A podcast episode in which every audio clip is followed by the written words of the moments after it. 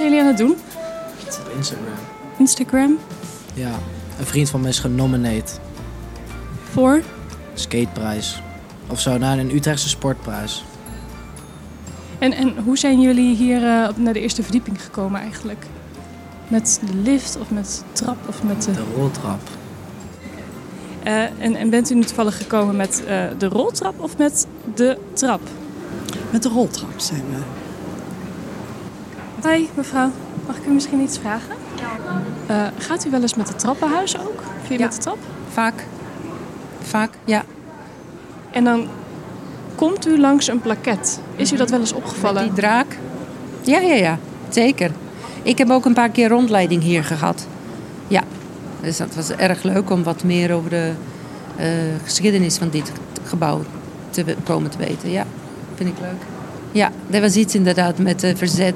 Dat soort eh, verhalen, hè? de herdenkingsplekken zeg maar, van de Tweede Wereldoorlog.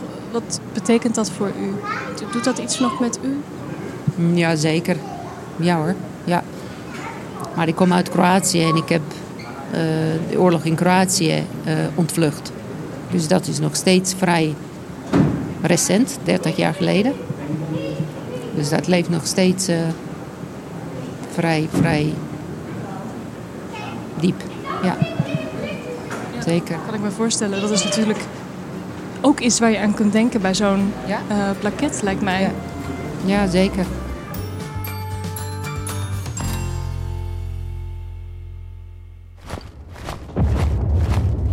Op 10 mei 1940, om tien over half één s'nachts, viel Duitsland Nederland binnen. De Tweede Wereldoorlog was nu ook in ons land begonnen, met vuurgevechten in Roermond. Wat de telefonistes van het hoofdpostkantoor op Neuden deden? Nou, die gingen eh, die dag gewoon aan het werk. Zoals elke dag gingen ze hier op hun post zitten. Hoofdstel op en doorverbinden. Wat moesten ze anders? Het was oorlog, maar zonder de juffrouw van de telefoon geen verbinding. Dit is Ik Verbind U Door, de podcast vol verhalen uit Post Utrecht. Iedere Utrechter en heel veel Nederlanders kennen het iconische gebouw in het centrum van de stad, het oude postkantoor. Je hoort in deze podcast de meest bijzondere verhalen uit zijn geschiedenis. Deze aflevering telegrambestellers Cor en Cor die op hun brommers door de stad reisden om belangrijke boodschappen te bezorgen. En je hoort het verhaal achter de herdenkingsplaketten van het trappenhuis. Maar nu eerst terug naar uw telefoniste, Joke. Het was een gekke situatie. Meteen na het begin van de oorlog namen de bezetters een aparte zaal in. Daar kwamen de telefonistes niet. Die Duitsers hadden trouwens ook hun eigen juffrouwen voor de Duitse verbindingen. Eigenlijk leefden ze langs elkaar heen in hetzelfde gebouw. De nazi's eisten steeds meer telefoonlijnen op. Het normale telefoonverkeer vertraagde daardoor enorm. Maar op het laatst waren bijna alle gewone mensen afgesloten van de telefoonlijn. De telefonistes gingen nog wel naar hun werk, maar eigenlijk hadden ze niks meer te doen.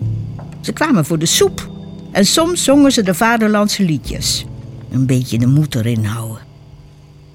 Dan wat er zich ondertussen ook in het gebouw afspeelde, heldendaden. Wacht, ik verbind u door met verslaggever Marjolein. Zij is bij de kleindochters van de PTT-medewerker die via een geheim telefoonnetwerk het verzet hielp. Gewoon, hier vanuit zijn dienstwoning in het gebouw. Ik ben eh Lida Huikels, ik ben 62 jaar. Ik ben Ineke Heukels, ik ben 65 jaar. Wij zijn zusjes. En we zijn kleindochters van Wolter Jacobus Heukels, waar dit verhaal vooral om gaat. Jullie opa was dus werkzaam bij PTT Post. Ja, klopt. En wat deed hij daar precies?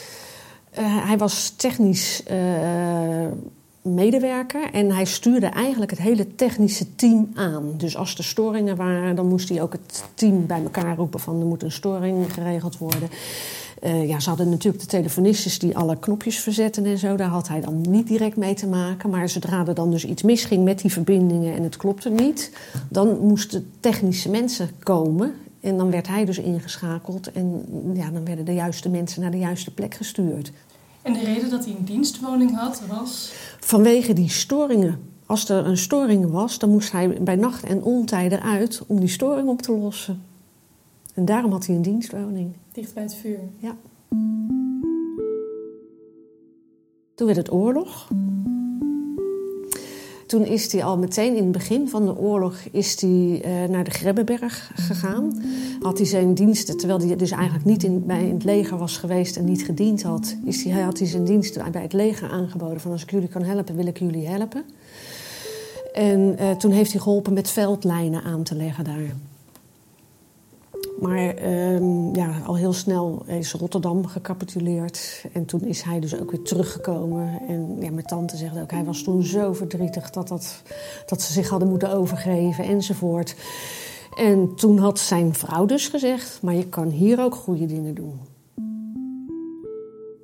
Dus die heeft hem toch een soort van mindset gegeven van... ik moet mijn bakers nu gaan verzetten. Die veldtelefoon, dat wordt er dus niet meer. Maar ik moet andere dingen gaan doen. Elders in het land waren er nog meer van dit soort clubjes ontstaan... die ook bezig waren met die telefoonlijnen. En op een gegeven moment is dat als een netwerk bij elkaar gekomen. En ja, daarmee heeft hij dus eigenlijk een heel illegaal netwerk aan telefoonlijnen opgezet. En dat heeft hij kunnen doen omdat hij dus wist dat er naast het reguliere telefoonnet, wat de Duitsers kenden, was er ook nog een telefoonnet wat de elektriciteitsmaatschappijen met elkaar verbond. En daar was de, uh, waren de Duitsers niet van op de hoogte dat dat er was. En daar heeft hij dus allerlei lijntjes aan elkaar verbonden, om het maar simpel te zeggen. En gezorgd dat er verbindingen waren. En uiteindelijk zelfs een verbinding met Bevrijd Nederland. Uh, dus inderdaad voor dat verzet die verbindingen kon leggen. Uh, dat was ook buitenshuis. Uh, zo was er bijvoorbeeld ook een afluisterpost op het hoek, ergens bij de Vinkenburgstraat. bij iemand. daar hebben ze. Nou ja, een autogarage was dat. was een garagebedrijf. Ja. En die had nog telefoon. En dat hebben ze doorverbonden. Die man zat kennelijk ook, was ook onderdeel van die verzetsgroep. En nou, daar hebben ze ook avonden en nachten en dingen gezeten om dus die Duitsers... Af te luisteren. Ja, daar konden ze de Duitsers afluisteren ja. met de verbinding die opa gemaakt had. En daarmee hoorden ze dan op een gegeven moment wanneer er wapentransporten waren of wanneer er weet ik. En dat kon hij dan weer doorgeven naar Nijmegen. En vanuit ja. Nijmegen konden de geallieerden van daar moet een bom komen, want daar ja. gaat een, een wapentransport van de Duitsers. En dat deed hij dus inderdaad met de lijn vanuit zijn dienstwoning. Nou ja, die dan via die elektriciteits... Uh, net, netwerken verbonden was met uiteindelijk uh, een kabel over de Rijn naar Nijmegen. Ja. Spillend web. Hij ja. was dus inderdaad een spillend web, ja. want het ging over en weer. Want hij kreeg vanuit Bevrijd Nederland op een gegeven moment ook berichten van... Er zijn we gaan dan er zijn vanuit geallieerden. En... We gaan een dropping doen met wapens, we gaan een dropping doen met voedsel. Het komt daar en daar neer. En dat kon hij weer doorgeven aan uh, de verzetsmensen, zodat die weer konden zorgen dat hun mensen in het veld klaar lagen om dat weer op, op te, te pikken. Dus wat dat betreft, uh, ja, leverde, het ging naar twee kanten dus eigenlijk. Hij leverde informatie over de Duitsers, maar hij kreeg ook informatie vanuit de andere kant. Wat de geallieerden allemaal van plan waren om uh, aan acties te ondernemen. Ook wel uh, uh, gevaarlijk voor jullie oma. Ja. Zeker. En ja. ook natuurlijk voor de kinderen. Maar wij zijn ervan overtuigd dat het hele gezin eigenlijk van het begin af aan geweten heeft wat opa ja, toch aan het doen was. Op 16 oktober uh, hadden ze visite s'avonds van twee bevriende echtparen die ook bij het verzet zaten. Bij het verzet zaten. Maar die dus eigenlijk naar het huis van mijn opa en oma kwamen, omdat daar nog elektriciteit was en ze daar nog met een lampje aan bij elkaar konden zitten en de gordijnen goed dicht. Dus dat was nog een soort gezelligheid.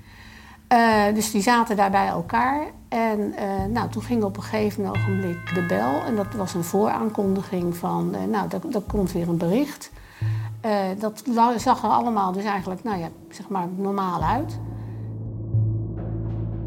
En mijn opa nou ja, is naar beneden gegaan om dus het zogenaamde bericht in ontvangst te nemen. En dat was dus foute boel, want toen stonden er dus opeens ja, Duitsers, Nederlanders, daar verschillen de verhalen ook over, op de stoep. En die uh, nou ja, kwamen hem arresteren.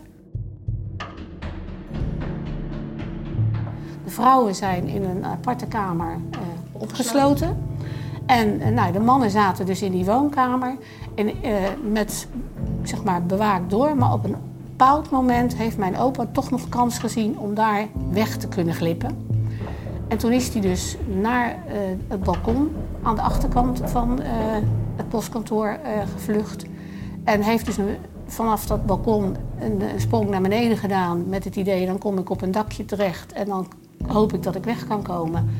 Alleen het had die avond geregend, dus het was glad. Hij is uitgegleden en is dus zeer ongelukkig terechtgekomen met of een stel gebroken benen of een gebroken bekken. Maar hoe dan ook, hij kon niet verder meer. Dus, en ze zijn dus mee en afgevoerd. En mijn oma heeft nog, want dat had mijn opa altijd gezegd: als er iets gebeurt, dan moet jij dat draadje daar doorknippen. En mijn oma had altijd zo'n schort aan, met van die zakken erin, en daar had ze een tangetje in. Gewoon standaard. En ze heeft dus nog, voordat ze wegging, die, die draad doorgeknipt. En toen zijn ze dus weggegaan. Maar dat was dus de verbinding naar Bevrijd Nederland die ze doorgeknipt heeft. Maar daarmee wist wel meteen iedereen dat het foute boel was.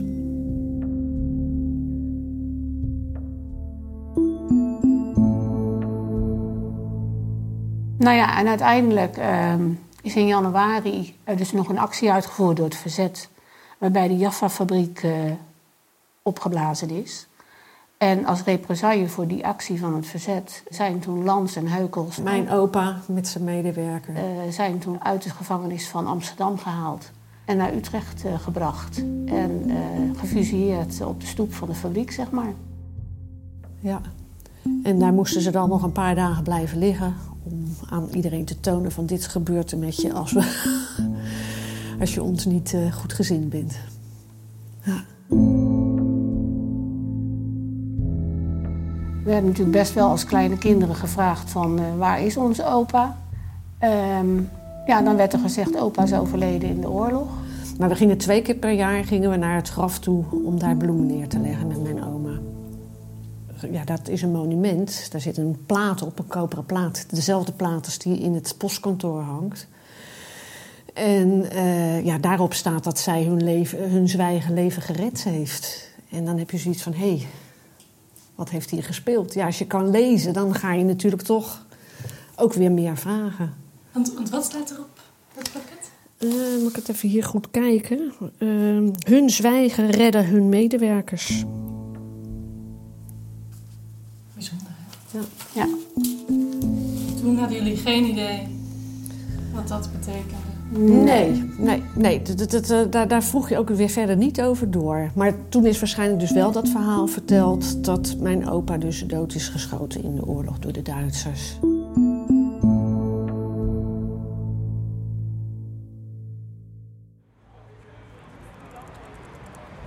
Tijdens de bevrijding werd ons gebouw eigenlijk opnieuw overgenomen. Maar dit keer door de Canadezen. Dat werd een vrolijke boel. Ze hadden chocola en sigaretten bij zich en ze bleven een paar weken om orde op zaken te stellen. Eigenlijk hadden ze ook niet zoveel te doen. Dus ze hockeyden. Hier, beneden op de gladde vloer. S'avonds regelden ze een orkestje. En dan was het feest, gewoon in de hal. Jawel. De jurken van de telefonistes waren vast wat te groot geworden. Maar ze snakten naar een avondje plezier. Die Canadezen konden dansen. Maar al gauw was het gewoon weer business as usual. De kapotte telefoonlijnen werden hersteld en ineens wilde iedereen een telefoon. Duizenden mensen op de wachtlijst. Wie hip en modern wilde doen, belde zijn liefje op. Maar wie nog niet aan de beurt was voor een toestel, kon het ook nog ouderwets en romantisch aanpakken. Een gelukstelegram, persoonlijk aan de deur gebracht. Hier komt Marjolein en de telegrambezorgers Cor en Cor. 59, 69, 48. Dat was mijn dienstnummer. 218 633. En bestel nummer 3. Ik ben Cor Mulder en ik ben 68. Ja, ik ben in 69 begonnen bij de post. En 46 dienstjaren gehad. Nou, eh, ik ben eh Cor Dijkstra. Ik ben eh, naar aanleiding van een, ja, van een tip van mijn vader bij de PTT eh, terechtgekomen als telegraambesteller. En ik weet niet, ja, jij dat Het ook was nog een staatsbedrijf. Ja, het was nog een, het was een, eh, ja, het was een overheidsbedrijf, een staatsbedrijf. En het was best wel eh, een streng bedrijf eigenlijk. Alhoewel je daar als, eh, bij de Telegraaf... de Telegraaf daar weinig niks, niks van merkte. Nee. Maar goed, je had een, een, een luikje in de muur. Daar zat een telegrafist achter. En daar stond een, tele- een telegraaf, zo noemden we dat. Ja, en dat telex. ding dat ging dan ratelen. Op het moment dat er een telegram binnenkwam, Ja. ging dat ding ratelen.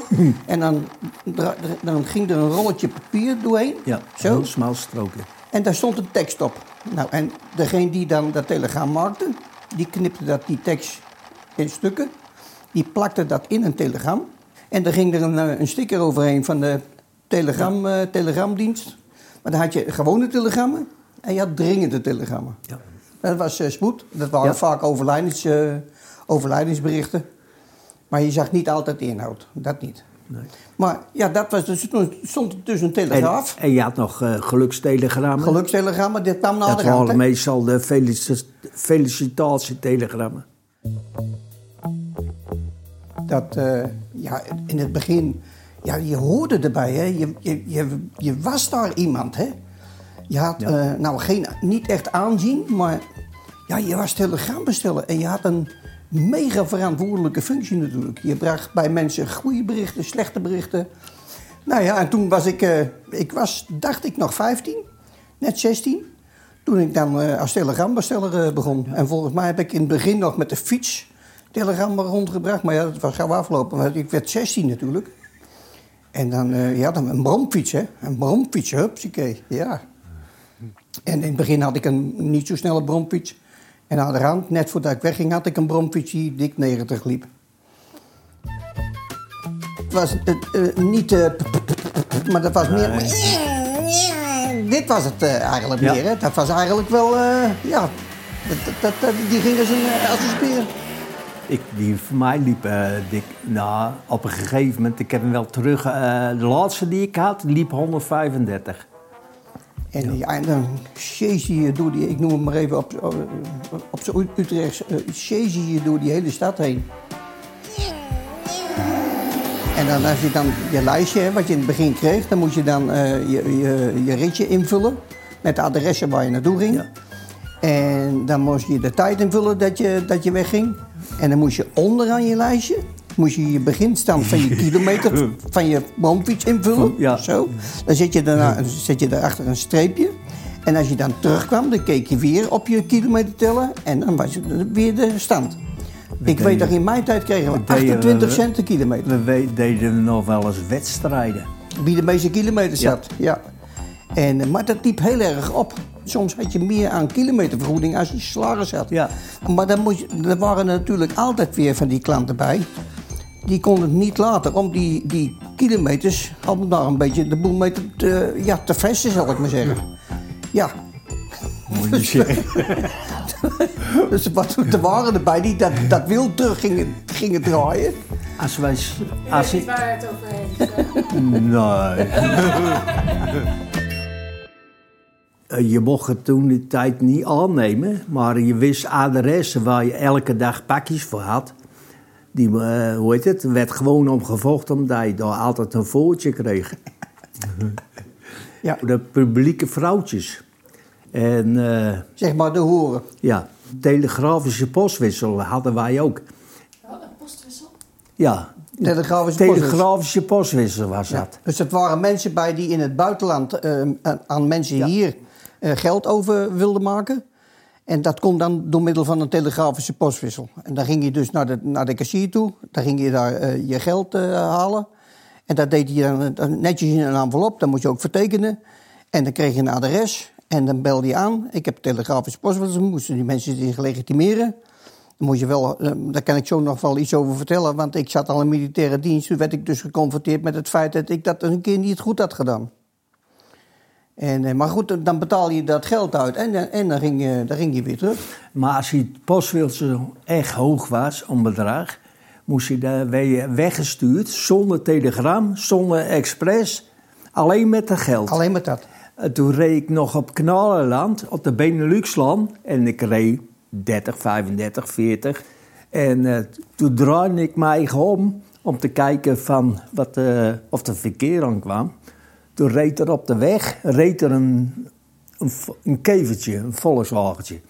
En die man die erin zat, die bestuurde, die stond achter aan het loket... Toen jij dat geld in Terwijl ik het geld haalde. Toen begon ik echt peuken te schuiten. Laat ik het maar gewoon op z'n Holland zetten. Hè. Nou, ik had bijna 20.000 gulden bij me. Toen heb ik gas gegeven. Een dikke 100, 120 gereden. Over de fietspaal heen. Tussen het, de gekste eh, uitwegen heb gereden. Nou, sindsdien heb ik die knul niet meer gezien.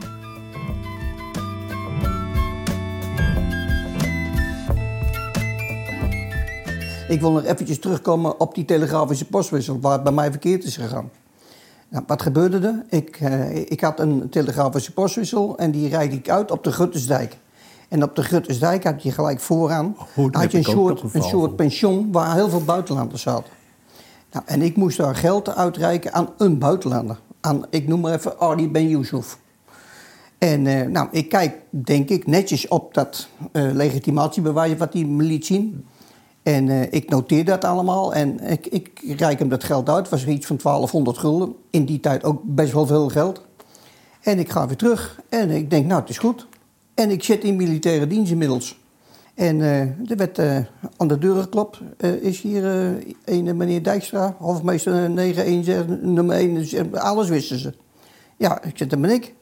Ja, wil je eventjes meekomen naar de poort? Want daar is postale recherche voor je. Nou, ik, eerlijk gezegd schrok ik maar helemaal een slag in de grond. Ik denk, ja, wat moet die me nou van me? En ik had natuurlijk wel eens wat uitgehaald, wie niet? Zoals hij met die kilometers.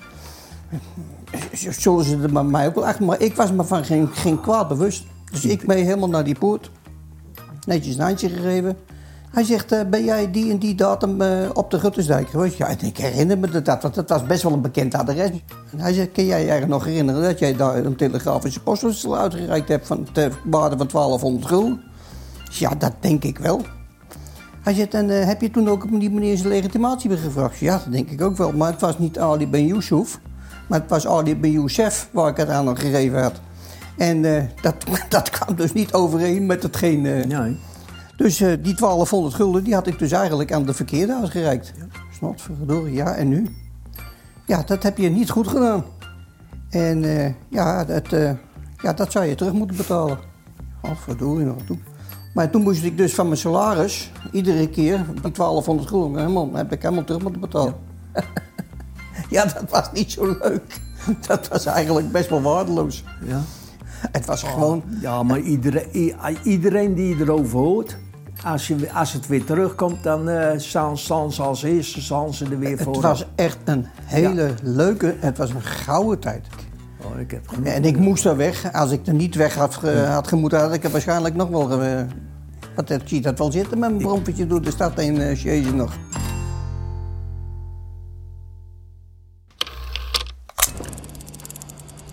Ik zie nu weer vaak jonge knullen met een bromfietsje of een elektrische fiets door de stad zoeven. Ze brengen heel andere boodschappen dan gelukstelegrammen. Pizza, wc-papier of wat er dan ook in hun vierkante tassen zit. Ik vraag me af of het voor hen ook een gouden tijd is.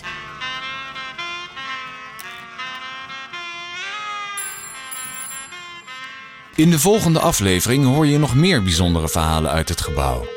Bijvoorbeeld over Mustafa, die eindelijk naar huis in Turkije kon bellen. En je hoort over de mannen van de Veiligheidsdienst, die met pistolen en gummiknuppels liepen te zwaaien.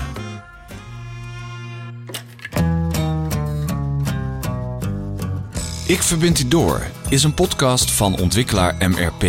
Mede mogelijk gemaakt door de gemeente Utrecht en Vrije Band Vastgoed. Met dank aan de ondersteuning van de Bibliotheek Utrecht en Rijnboud Architecten. Gemaakt door Aldus Producties. Muziek van Bram Kniest. Reportages door Marjolein Knol. Tekst en research Katrien Spijkerman. En de rol van Joke wordt vertolkt door Marlies Hamelink.